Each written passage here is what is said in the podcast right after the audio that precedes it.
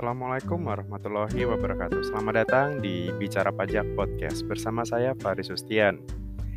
Di episode kali ini yang kebetulan hari ini adalah hari Imlek tahun 2022. Jadi selamat merayakan tahun baru Cina bagi teman-teman khususnya uh, teman-teman Tionghoa yang merayakan uh, tahun barunya ya gitu. Semoga kesehatan, ke keberkahan dan kemakmuran, prosperity apa di tahun ini lebih baik daripada tahun-tahun sebelumnya. Dan tak juga apa saya ingatkan juga apa tetap jaga protokol kesehatan karena kita masih dalam pandemi dan sepertinya di minggu-minggu ini apa kasus-kasus positif rate-nya naik lagi ya gitu. Jadi ya tetap tetap jaga kesehatan, tetap jaga protokol kesehatannya dan selalu berolahraga ya gitu. Oke, di episode kali ini kebetulan ini adalah episode yang ke-100 gitu. Jadi dari kita mulai dari episode pertama di bulan Oktober tahun 2019 kalau nggak salah sekarang kurang lebih perjalanan sekitar ya hampir tiga tahun ya berarti hampir tiga tahun. Uh, kita akhirnya masuk di episode 100 pertama gitu. Semoga nanti akan ada episode uh, episode 200 300 dan seterusnya ya gitu. Walaupun saya nggak tahu kapan gitu. Oke, uh, di episode kali ini saya ingin bercerita aja di apa mumpung ini hari libur ya gitu. Saya ingin bercerita aja bahwa apa tentang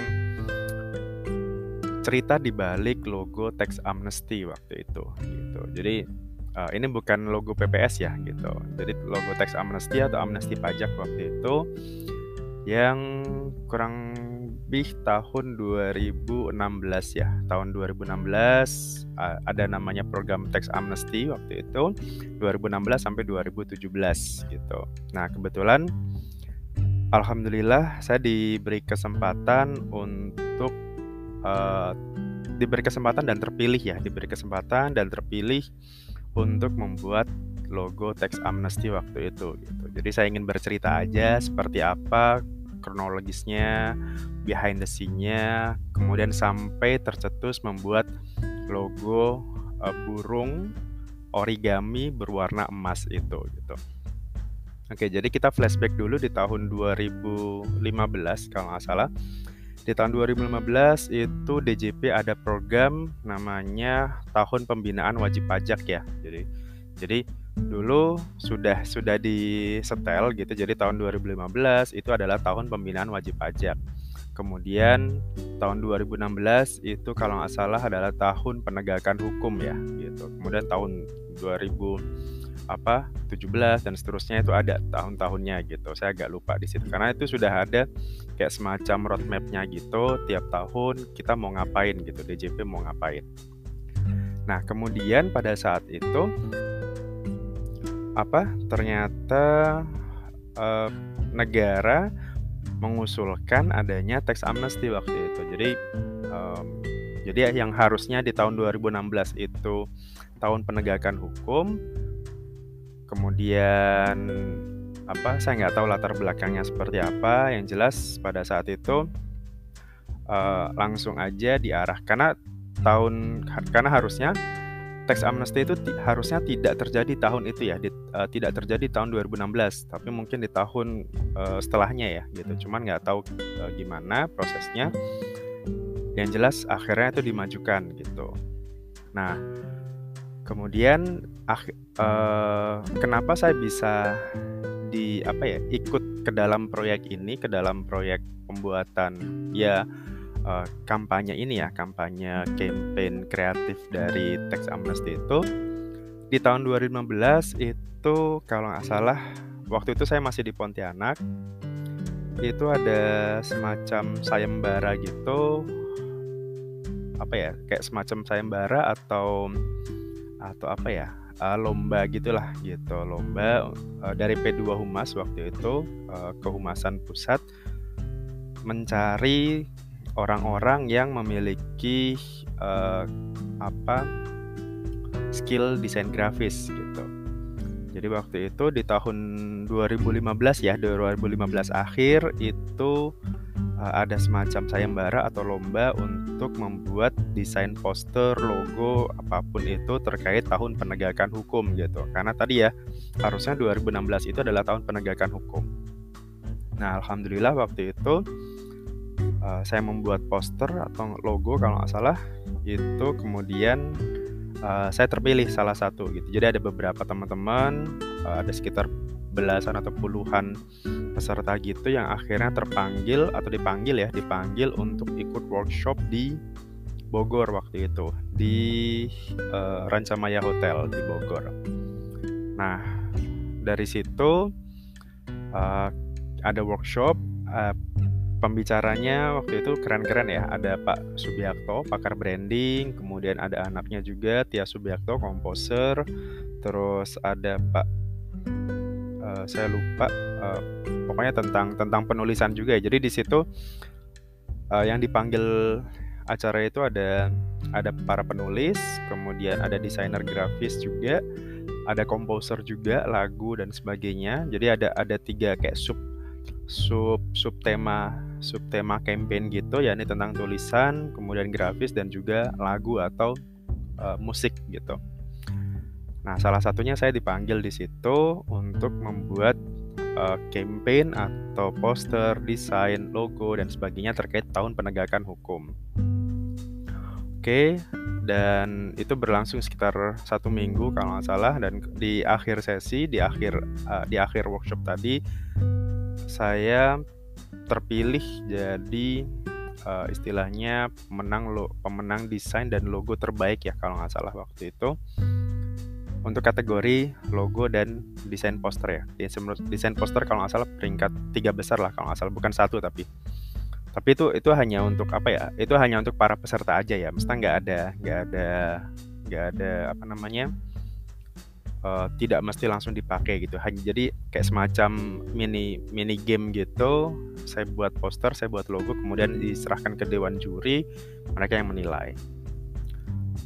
Nah kemudian dari situ dari tahun 2015 itu lanjut di tahun 2016 nah waktu itu ternyata ada perubahan rencana tadi kan yang harusnya tahun itu adalah tahun penegakan hukum. Ternyata uh, dari DPR dan pemerintah menyetujui adanya program tax amnesty waktu itu gitu.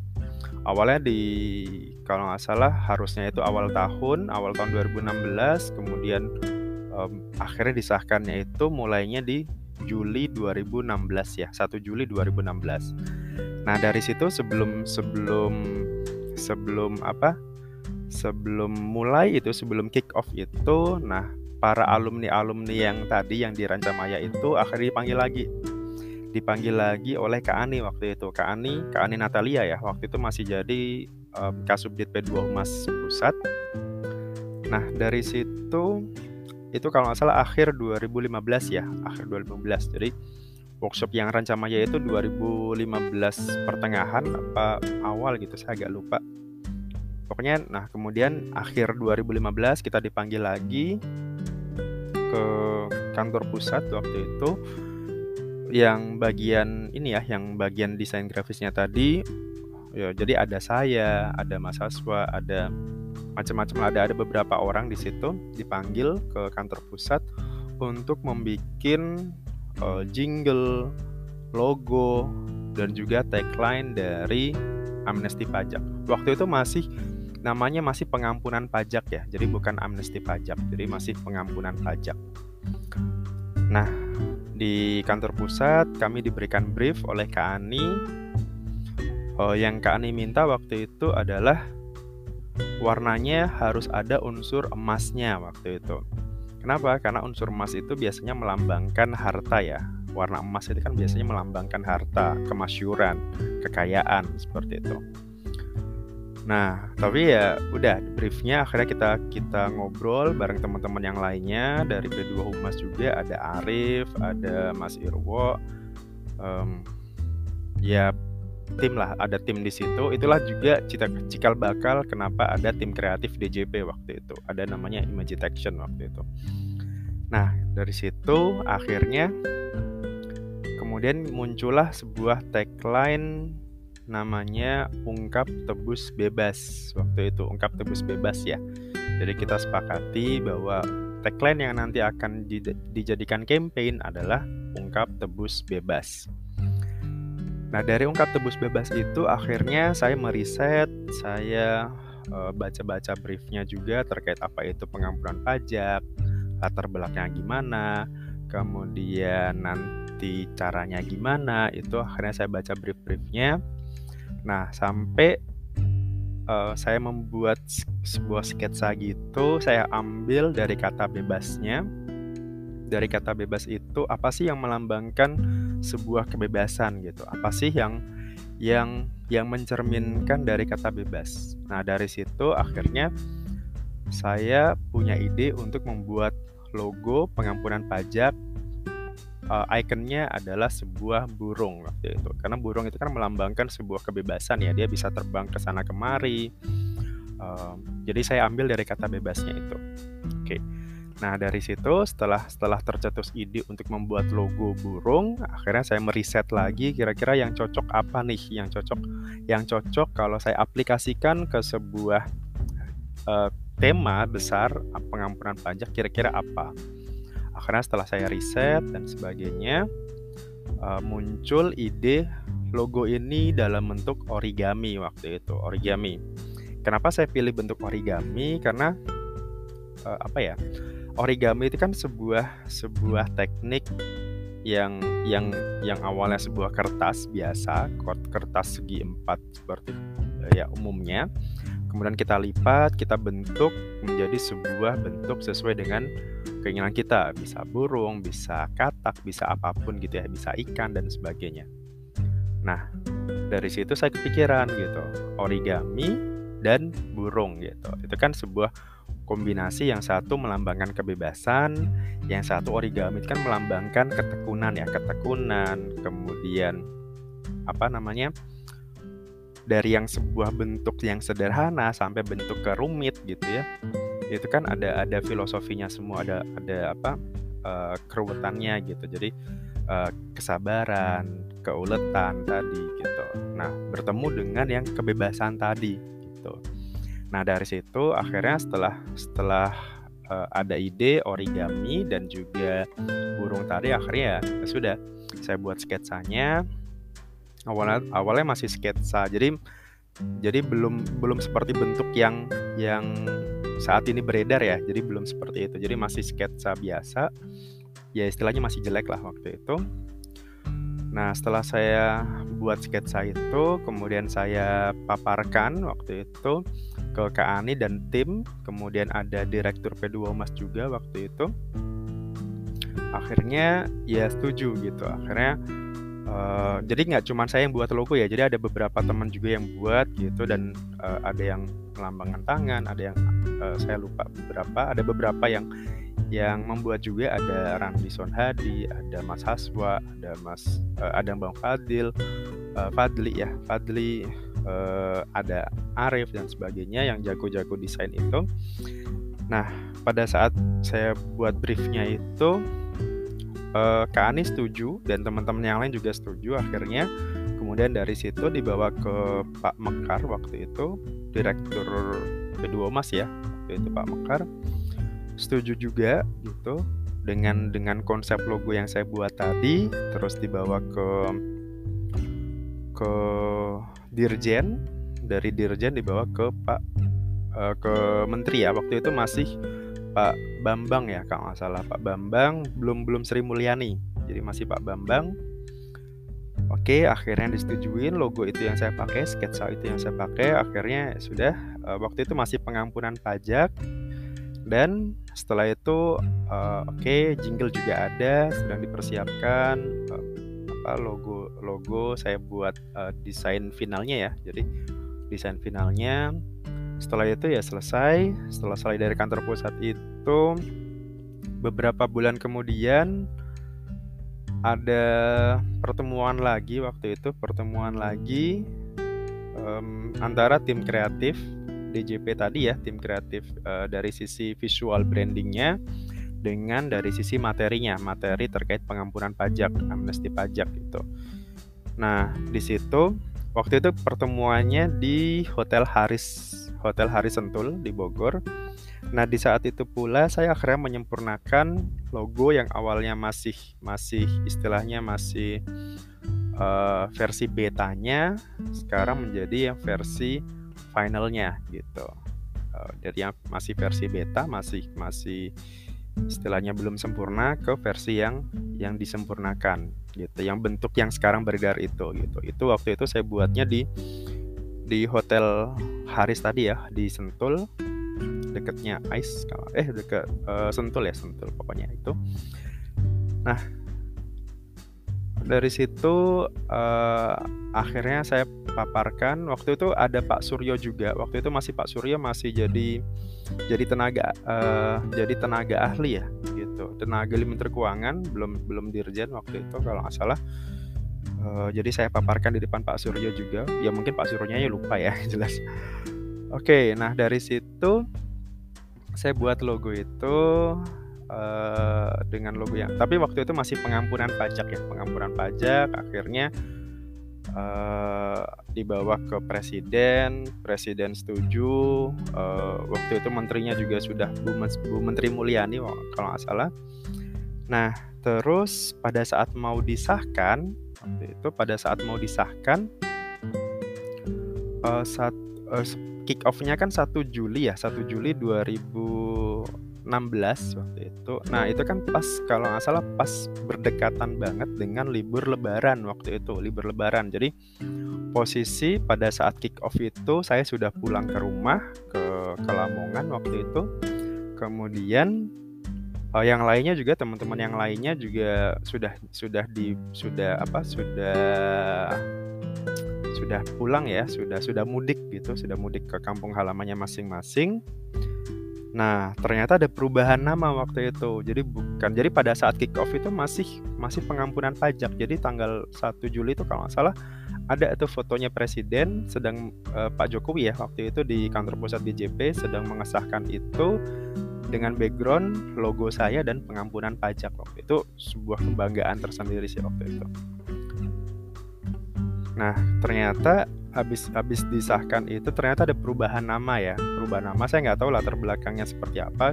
Cuman kalau nggak salah itu uh, di undang-undang itu mengenalnya adalah amnesti ya gitu. Atau secara harfiah juga kan kalau bahasa Inggrisnya kan teks amnesti ya amnesti pajak gitu. Nah akhirnya ada perubahan nama waktu itu. Jadi yang awalnya itu pengampunan pajak berubah menjadi amnesti pajak gitu.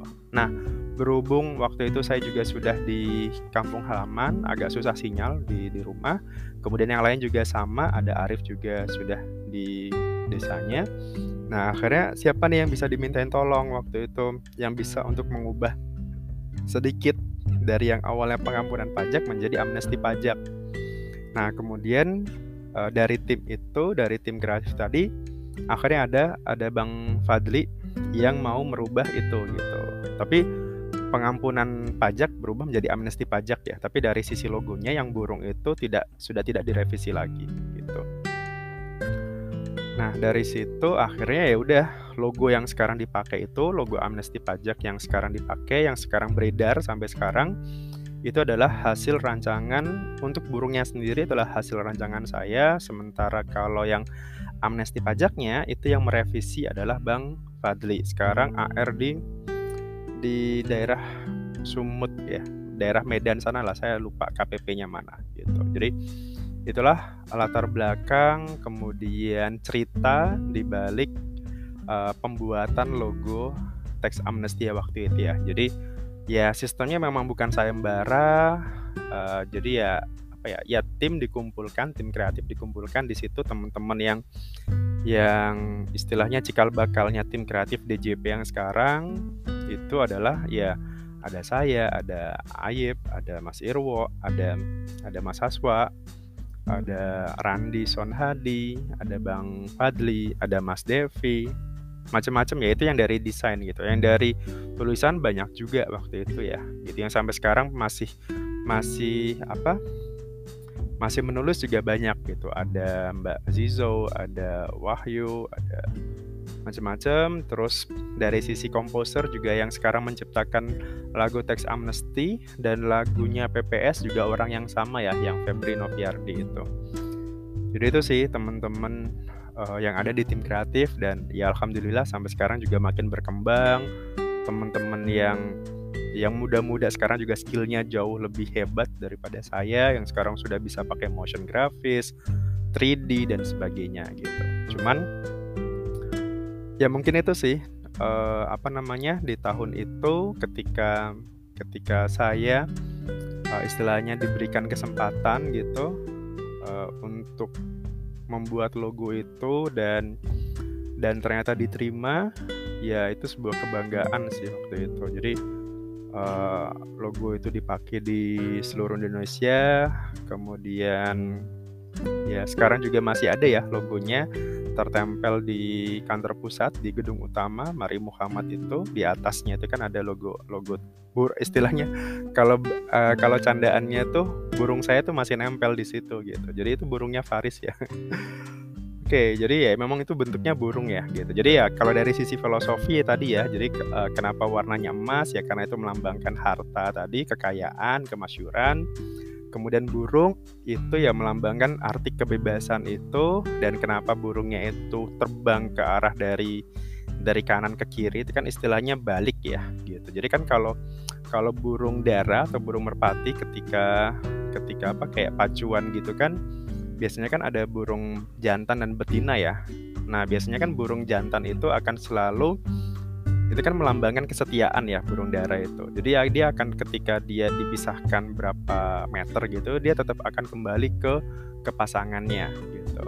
Nah, kenapa makanya arahnya itu dari dari arahnya balik istilahnya akan dari dari kanan ke kiri gitu. Jadi ya istilahnya harta jadi kalau kita kalau kita sangkutkan ke amnesti pajak ya itu sebenarnya kayak repatriasi harta gitu kan. Jadi yang yang harta yang dari luar negeri kita bawa balik ke Indonesia gitu ya untuk untuk Indonesia gitu. Makanya di situ ada ada origaminya gitu, keulatannya, kesabarannya, proses gitu ya yang yang yang awal dari sebuah kertas biasa kemudian berubah menjadi sebuah bentuk yang kompleks gitu kayak kayak burung itu gitu jadi kurang lebih itu ya uh, warnanya sebenarnya ya untuk warna birunya ya uh, sekarang juga sudah dipakai kan warna biru DJP itu warna uh, kuning dan biru itu kan warna warna brandingnya DJP ya gitu oke jadi kurang lebih itu sih jadi uh, latar belakang kenapa kenapa um, saya membuat burung logo uh, logo teks amnesty itu dengan bentuk burung gitu. Terus pertanyaannya ada nggak dari sisi um, finansial uh, yang diberikan gitu?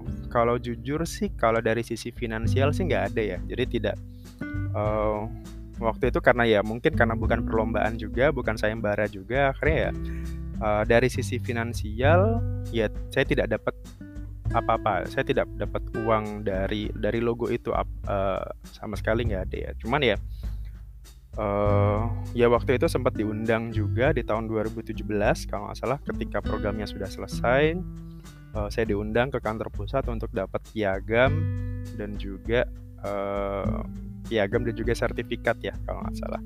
Cuman ya itu juga sempat sempat apa ya sempat sedihnya juga ya sempat saya ceritakan juga di episode sebelumnya itu sedihnya juga. Karena waktu itu pas saya diundang itu kan berbarengan jadi saya dititipkan berbarengan dengan pegawai terbaik gitu dan karena saya cuma tanda kutip titipan aja akhirnya ya sudah gitu. Ya ala kadarnya jadinya gitu. Jadi saya duduk paling belakang ya ya wajar sih karena kan juga saya bukan pegawai terbaik.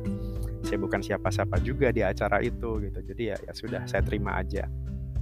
Cuma ya dari situ sih akhirnya saya berpikiran bahwa uh, kenapa saya nggak jadi pegawai terbaik aja gitu. Jadi daripada saya buat logo kenapa nggak saya concern saya fokus di jadi pegawai terbaik aja biar saya dapat penghargaan seperti ini gitu. Cuman ya setelah saya coba bertahun-tahun dan ternyata masih gagal juga ya sudah sekarang memang ya saya memang nggak mampu aja gitu. Saya bukan orang yang mampu untuk jadi pegawai terbaik lah gitu. Jadi ya sudah saya saya nikmatin aja dengan hidup yang seperti ini. Saya pegawai biasa-biasa aja bukan sesuatu bukan seseorang yang menonjol bukan seseorang yang yang punya skill di atas rata-rata juga enggak. Saya cuma pegawai biasa aja lah gitu. Saya berangkat kerja uh, pulang jam 5 udah gitu. Habis itu ya saya kerjakan hal-hal yang lain. Ngajar bikin konten dan sebagainya gitu. Itu jauh udah udah cukup sih bagi saya. Kalau dari sisi finansial ya ya nggak apa-apa juga sih. Maksudnya dengan pengalaman yang yang yang seperti itu aja udah udah bagi saya sih udah uh, cukup ya maksudnya uh, mengenal dikenal uh, banyak orang uh, walaupun ya banyak juga yang nggak tahu ya kalau itu logo buatan saya. Uh, itu udah cukup sih diwawancarain oleh Kompas TV waktu itu masuk masuk berita uh, nasional uh, lokal ya masuk masuk koran lokal gitu Pontianak Post Tribun Tribun Tribun uh, Pontianak kalau nggak salah gitu. Jadi ya ya bagi saya udah cukup sih waktu itu. Jadi ya toh juga sekarang um, saya nggak nggak nggak ngincer apa apa lagi gitu. Ya, tadi sih saya udah merasa senang cukup dengan waktu saya bekerja saya di sini. Jadi ya it's okay gitu. Uh, dan juga kalau untuk desain grafis juga sekarang juga banyak orang yang lebih mampu daripada saya jadi ya sudah sekarang saya fokusnya di konten kreator aja gitu ya di, di YouTube di apa di podcast seperti ini gitu saya cuma pengen berbagi aja terkait apa yang ada di pikiran saya, kemudian apa yang terkait isu-isu terkini tentang pajak, tutorial dan sebagainya. Cuman itu sih yang yang yang ingin saya lakukan sekarang gitu. Saya cuma pengen membantu eh, orang-orang uh, untuk lebih mengenal, lebih mendalami tentang ilmu pajak gitu. Karena kan kok saya ada kayak kayak apa ya kayak kayak um, kerisauan gitu. Maksudnya kenapa sih pajak itu dibenci banyak orang gitu? Kenapa pajak itu selalu dihindari gitu? Padahal ya sebenarnya ya kalau nggak ada pajak ya kita nggak akan bisa hidup seperti sekarang kan gitu. Maksudnya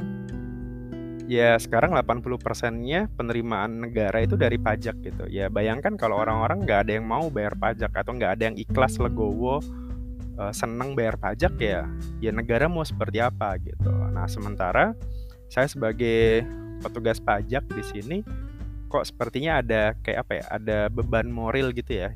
Uh, ada ada sesuatu yang harus harus saya lakukan nih gitu. Harus ada sesuatu yang yang ingin saya lakukan gitu. Akhirnya ya sudah saya bikin podcast saya bikin konten YouTube gitu ya. Ya semoga apa yang saya lakukan ini ya bisa bisa bernilai bagi orang lain sih gitu. Itu aja udah cukup sebenarnya sih. Jadi uh, ketika saya baca konten terus ada ucapan terima kasih sudah membantu itu udah udah itu udah luar uh, apa tujuan saya sudah tercapai gitu jadi orang yang awalnya nggak ngerti tentang pajak akhirnya dia mau belajar dia dia paham sampai akhirnya dia dia tergugah untuk bayar itu udah itu bagi saya tujuan saya tercapai gitu Oke, barangkali itu terkait episode yang 100 ini ya. Jadi uh, terima kasih sekali teman-teman yang sudah mau dengerin dari episode pertama bahkan sampai yang episode sekarang episode 100 ini dan um, terima kasih doa-doanya. Semoga saya tetap bisa berkarya di sini.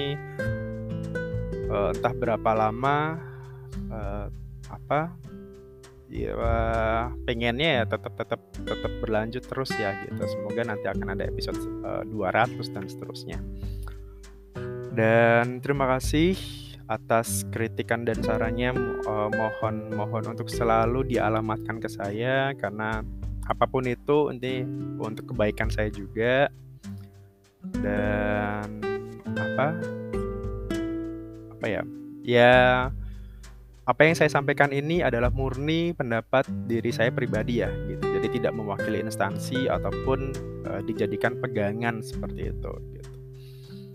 Oke itu aja dari saya. Terima kasih atas waktunya dan semoga um, ini bisa apa ya sedikit memberikan pemahaman ya gitu jadi ingin bercerita aja tentang ya behind the scene atau kronologis atau hal-hal yang uh, fun fact-nya terkait logo tax amnesty itu gitu. Terima kasih dari saya dan